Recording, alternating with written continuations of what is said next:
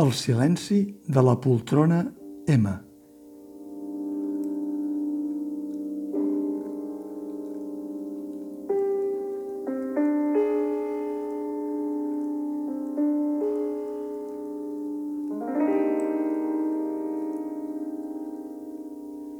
El dramaturg i director Juan Mayorga, també filòsof i professor universitari, és un dels pocs representants del sector teatral que ocupa una de les poltrones de la Real Acadèmia Espanyola, la poltrona M.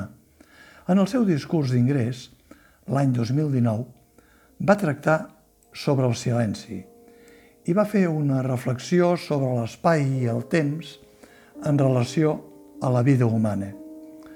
Tot i que, dit així, pot semblar que el discurs estava en l'habitual línia carregosa i apta només per iniciats, Juan Mayorga el va impregnar de la dinàmica i estètica teatral. I és d'aquell discurs que neix aquest espectacle de títol homònim, Silencio, que sobretot és una gran oportunitat perquè la veterana actriu Blanca Portillo, de remarcables orígens teatrals, però més reconeguda d'un temps ençà pel cinema, s'enfronti en solitari a l'escenari durant una hora i 40 minuts llargs, on desplega la seva inesgotable capacitat interpretativa, dramàtica, irònica, humorística, desinhibida i lliure de prejudicis. Totes les funcions esgotades abans de començar. Fetichisme? Una mica sí, però també confiança en una experiència teatral de les excepcionals.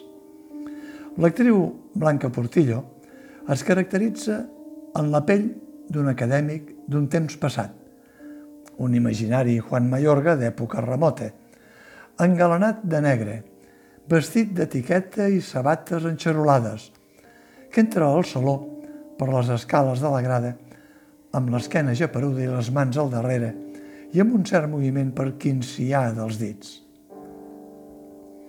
Com que parlem de silenci, el silenci es manté durant una estona, fitant els espectadors, tremolant i fent dringar el got i la gerra d'aigua preparats per a l'ocasió.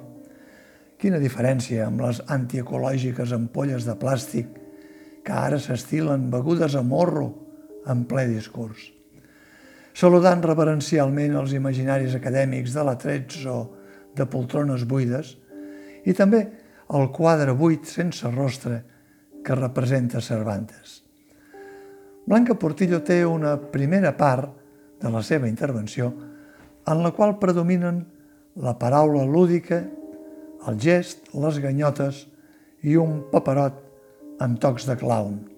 Fins que ella mateixa trenca amb aquesta convenció que li ha encarregat l'acadèmic del discurs, després de vuit anys i alguns mesos sense feina, i es desfà del vestit negre i també de la caricatura per tornar a ser qui és i per aprofundir en la part del discurs que barrina com si fos un fil abarquí en algunes de les peces i els autors clàssics del teatre i com a picada d'ullet a l'auditori del TNC, improvisada, deixant anar un espontani res en català en comptes d'un nada que fins i tot sorprèn amb un somriure el mateix Juan Mayorga, present a la platea.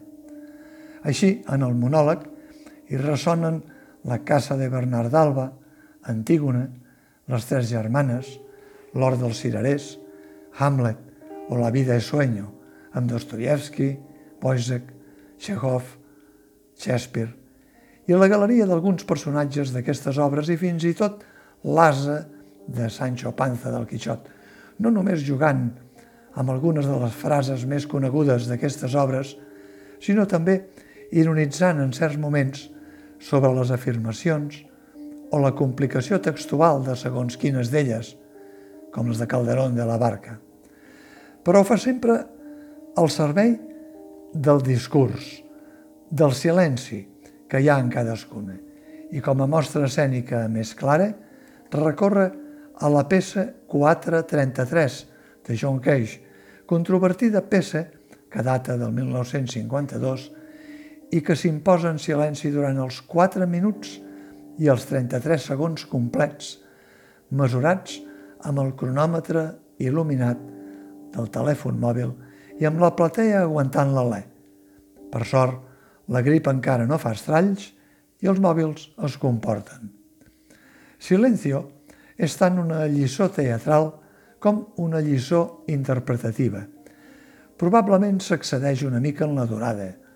Un monòleg de més de 70 minuts és arriscat tant per als espectadors com per a l'intèrpret, però la dramatúrgia i direcció de Juan Mayorga fan que el risc sigui menor i que el resultat es reconegui amb llargs aplaudiments a peu dret després que l'exacadèmica Portillo s'agelli i tanqui amb el gest universal dels llavis serrats i el dit índex l'objectiu del discurs.